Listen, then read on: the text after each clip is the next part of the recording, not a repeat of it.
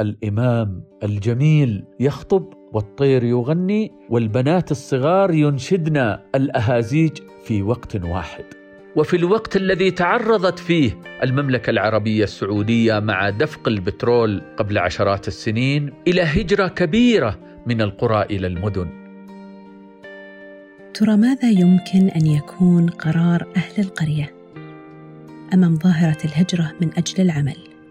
عروض وظيفية ورواتب مغرية وحياة مدنية تشبه الأحلام.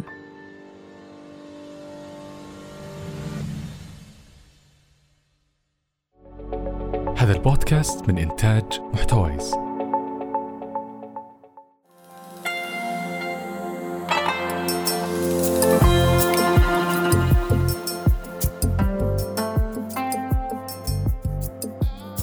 أهلا وسهلا. أنا منى الطريف وهذا ظرف مكان.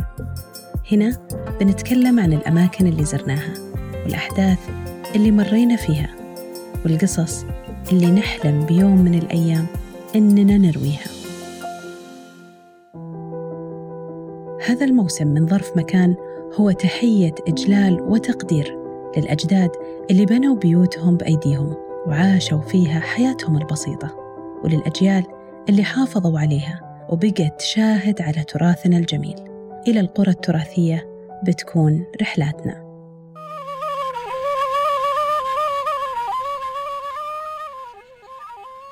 في هذه الحلقة نتجه إلى الجنوب إلى الجبال والعقبات والوديان.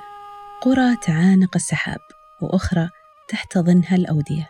وقريتنا اللي نزورها هي قرية عاشقة مثل ما يوصفها ضيفنا العاشق لها الأستاذ علي مغاوي قرية رجال في محافظة رجال ألمع. تقع محافظة رجال ألمع في جنوب غرب السعودية بمنطقة عسير وتبعد عن عاصمتها أبها حوالي 50 كيلومتر. أما عن الرياض فتبعد حوالي 1090 كيلومتر. أما قرية رجال فهي واحدة من عشرات القرى في محافظة رجال ألمع. خلونا نتعرف أكثر على المحافظة والقرية.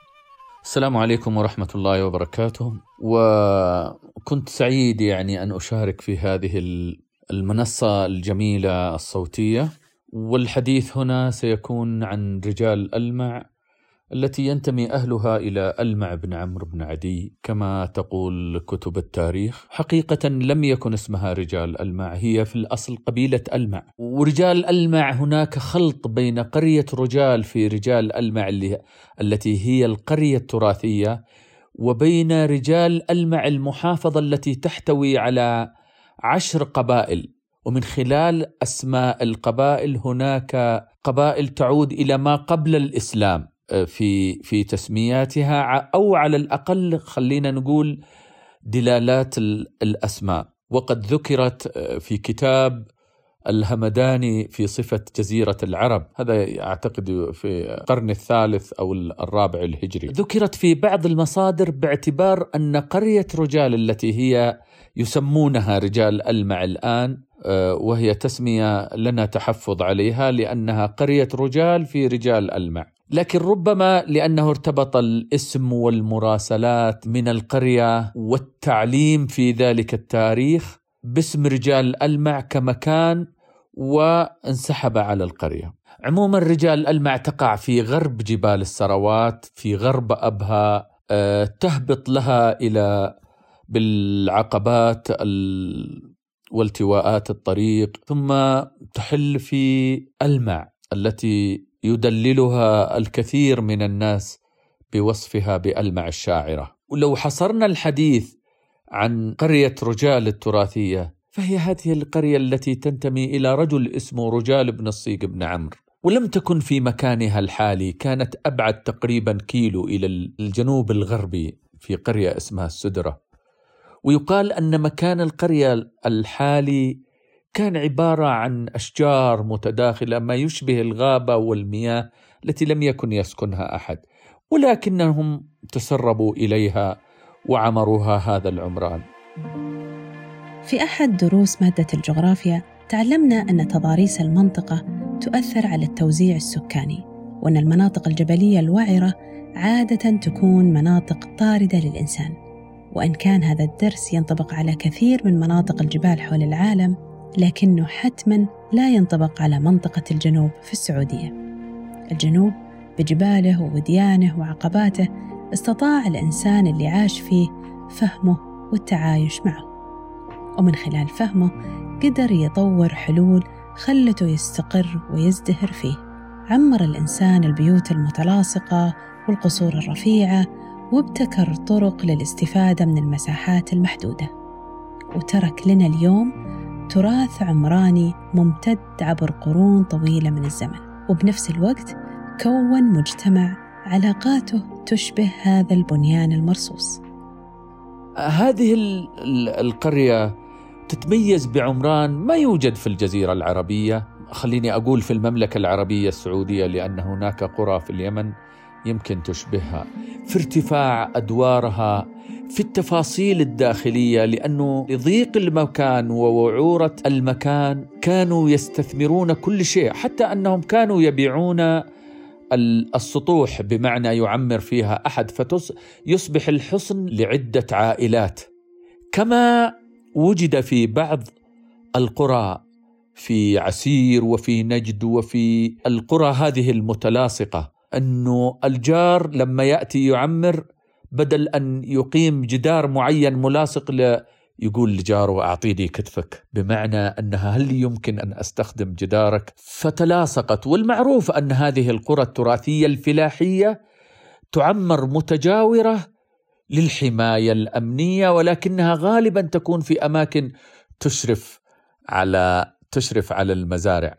قرية رجال هي قرية فلاحية نعم فيها مزارع لكن لضيق المكان أفاد أهلها بمعنى أنهم اشتروا آه، كثير من الأماكن والأراضي الزراعية في المناطق المجاورة جنوبا وشمالا وفي في كل الاتجاهات. تتميز القرية بأنها مجتمع قبلي القرية عشيرة من من قبيلة من قبائل رجال المع، قبيلة بني ظالم، ولكنها ذات طابع سلوكي مدني، كأنك تعيش في المدينة وفي حضارية أهلها خاصة أنهم تآثروا كثيرا مع المناطق التي سافر التجار إليها ثم عادوا بهذه الظواهر واستطاعوا تنفيذها من الهند ومن اليمن ومن أفريقيا. فأصبحت غاية في الانسجام بين مجتمع قبلي ومجتمع مديني يواكب هذه التطورات الموجودة. لو لو كنت أتحدث عن مميزات هذه القرية فيميزها أنها كانت معقلا علميا مدارس. كتاب ومعلامات وعلماء وطلاب يفدون إليها من كثير من من الجهات ويستقبلهم أهلها بالترحاب ويسكنونهم ويدرسونهم مجان ويحتفلون بهم حتى في بعض آه، مقاطع حفظهم من القرآن الكريم حتى إنه معروف إلى الآن أنهم كانوا يقولون عند سورة العنكبوت كبش يموت بمعنى احتفال وظيفة وكذا.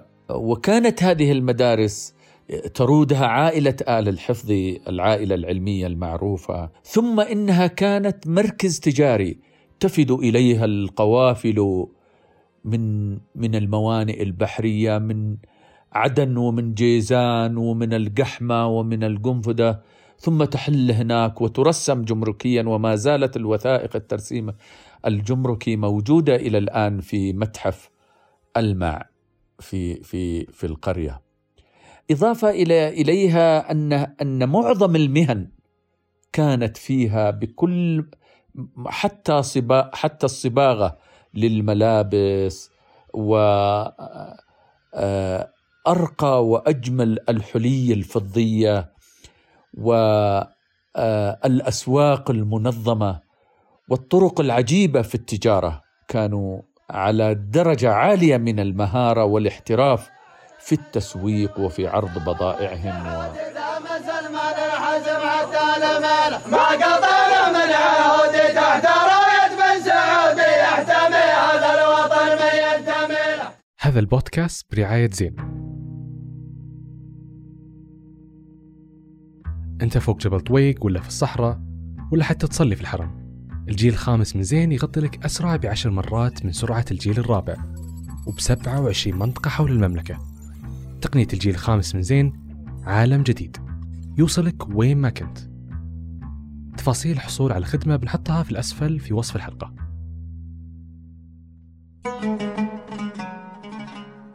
كل قرية فيها مشاهد متكررة خاصة فيها. تصير مع الوقت جزء من ثقافتها وهويتها وتراثها. نعم التراث مو بالضرورة يكون شيء مادي أو ملموس. بعض العادات والممارسات تمتد جيل بعد جيل وتصير تراث. هذا التراث هو روح المكان اللي يميزه عن غيره. خلونا نتعرف على بعض من ملامح التراث غير المادي في رجال ألمع.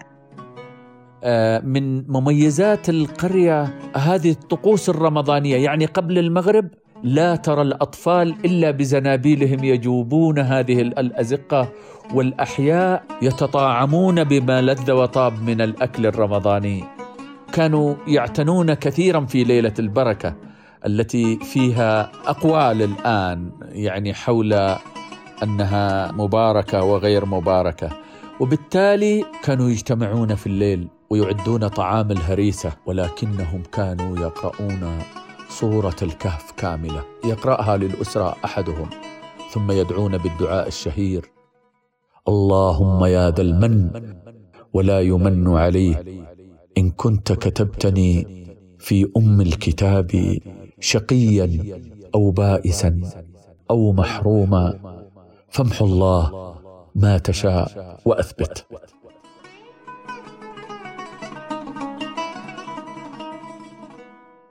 من الجماليات إذا هبطنا إلى صلاة العيد كانت الطيور تغني. قبل أجهزة الصوت والإمام الجميل يخطب والطير يغني والبنات الصغار ينشدن الأهازيج في وقت واحد. تيري موجيه مدرب فرنسي مختص في التقنية عمل في قوات الدفاع الجوي بالطايف من عام 1979 ولمدة عشر سنوات.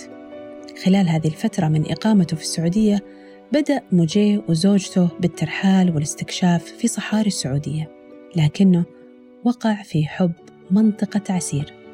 وهذا الحب كان سبب في تغيير مجال عمله وتخصصه. قرر أنه يعود إلى فرنسا ليكمل دراساته العليا في فنون العمارة.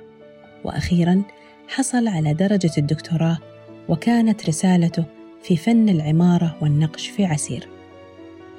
خلال فترة دراسته عاد موجيه إلى عسير ثلاث مرات. في الأعوام 1994 و96 و98 كان خلالها يحاول يتعمق أكثر بفهم الفن العسيري ويستكشف هذا العالم المليء بالألوان الزاهية.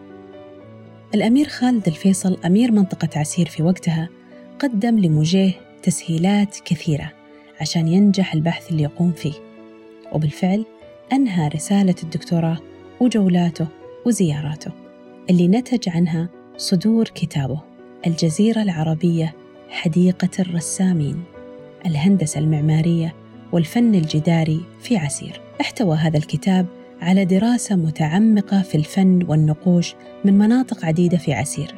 وأيضا ضم كثير من الصور اللي التقطها موجيه بعناية خلال زياراته. يصف في كتابه لمحة من لمحات الفن في عسير فيقول إذا كانت المتاحف تمثل منازلا تحوي صورا إذا فكل منازل عسير متاحف. ومن أجمل ما قال في هذا الكتاب النساء في عسير يرسمن بالفطرة كما يغني العصفور بالفطرة. عن الفنون يأخذنا الأستاذ علي إلى الداخل. من ضمن الجماليات هو اهتمامهم بالنقوش الفنية. النساء يزخرفن البيوت بهذا الذي يسمونه الزيان هناك وهو ما اصطلح عليه الآن وتسجل في منظمة التراث العالمي اليونسكو باسم القط العسيري. كانت بيوتهم آية في الجمال. من أجمل الأشياء في القرية هذه الألعاب النسائية والرجالية ولكن دعوني أركز على ألعاب الصبايا. كانت البنات في كل ساحات القرية بأهازيج ورقصات وفكاهات وملابس ملونة. قرية عاشقة من ضمنها قدح مسلسل وقار ماطيح وبيت بينقش كل هذه الأهازيج كانت البنات تتقنها أيما إتقان ويرقصن عليها جميل جميل الرقص.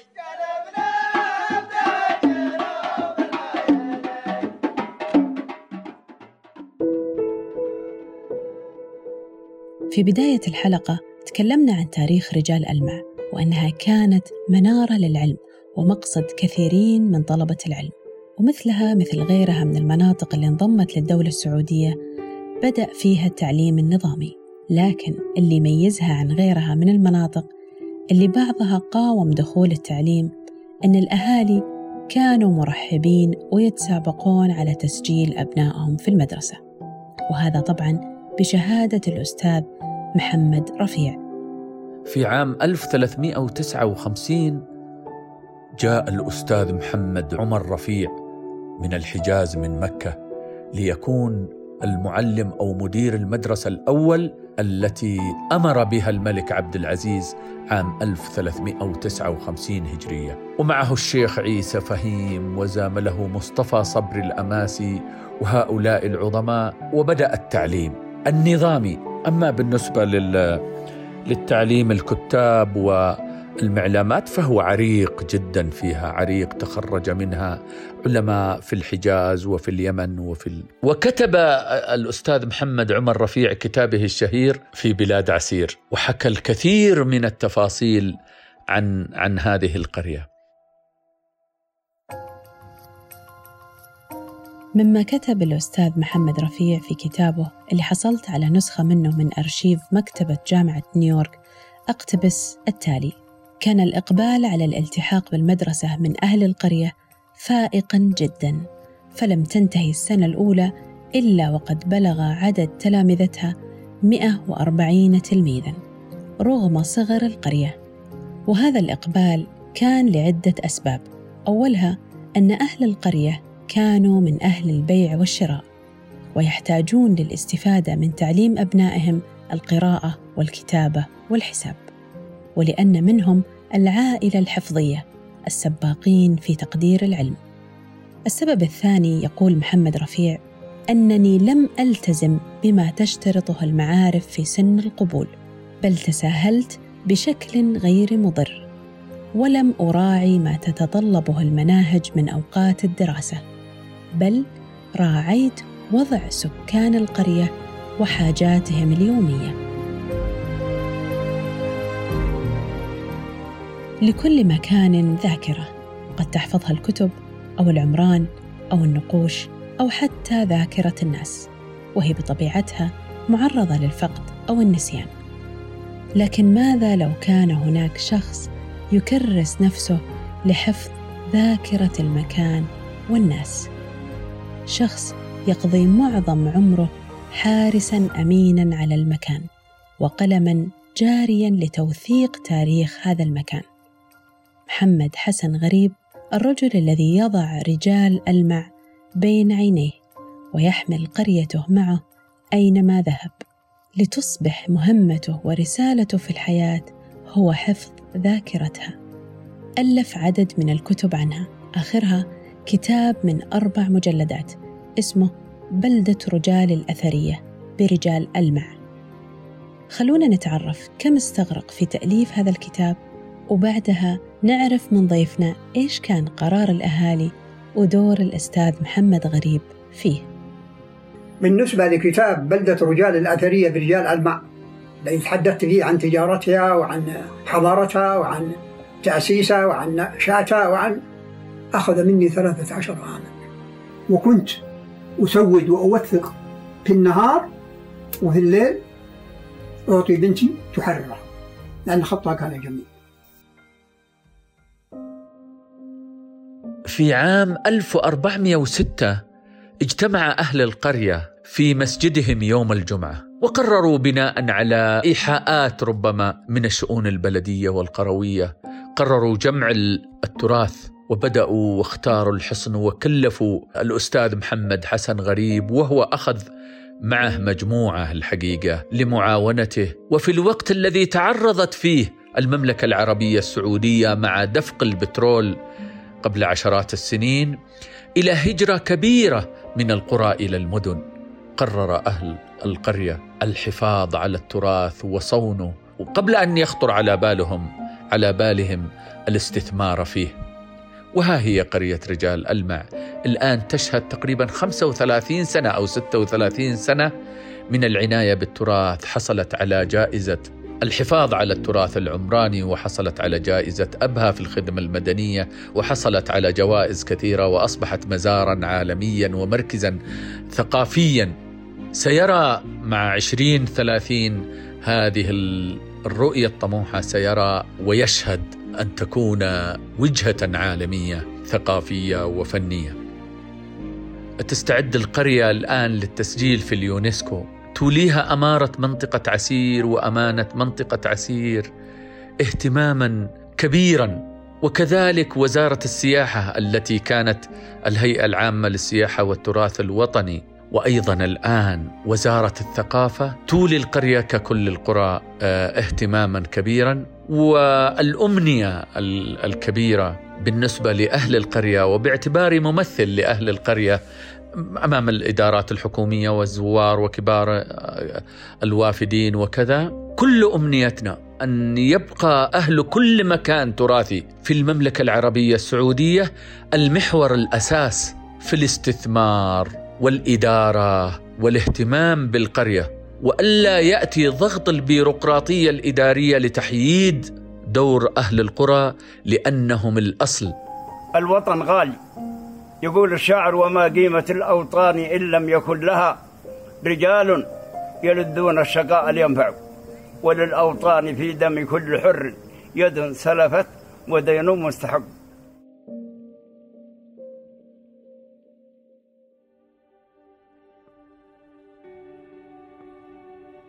هذه الأمنية من ضيفنا العزيز هي لكل المواقع التراثية والتاريخية وهي أيضا رسالة إلى أهالي هذه المواقع للمشاركة في إحيائها وتنميتها وصون تراثها تماما مثل ما فعل أهل الرجال في قريتهم.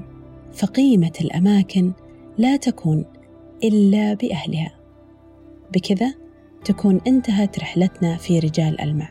شكرا لاستماعكم ونتمنى أنكم استمتعتوا فيها. يسعدنا تشاركون الحلقة مع من تحبون وتقيمون البودكاست على آي تيونز اشتركوا في بودكاست ظرف مكان عشان توصلكم الحلقات الجديدة. ختاما نزلنا ها هنا ثم ارتحلنا وهكذا الدنيا نزول وارتحال. رافقتكم السلامة.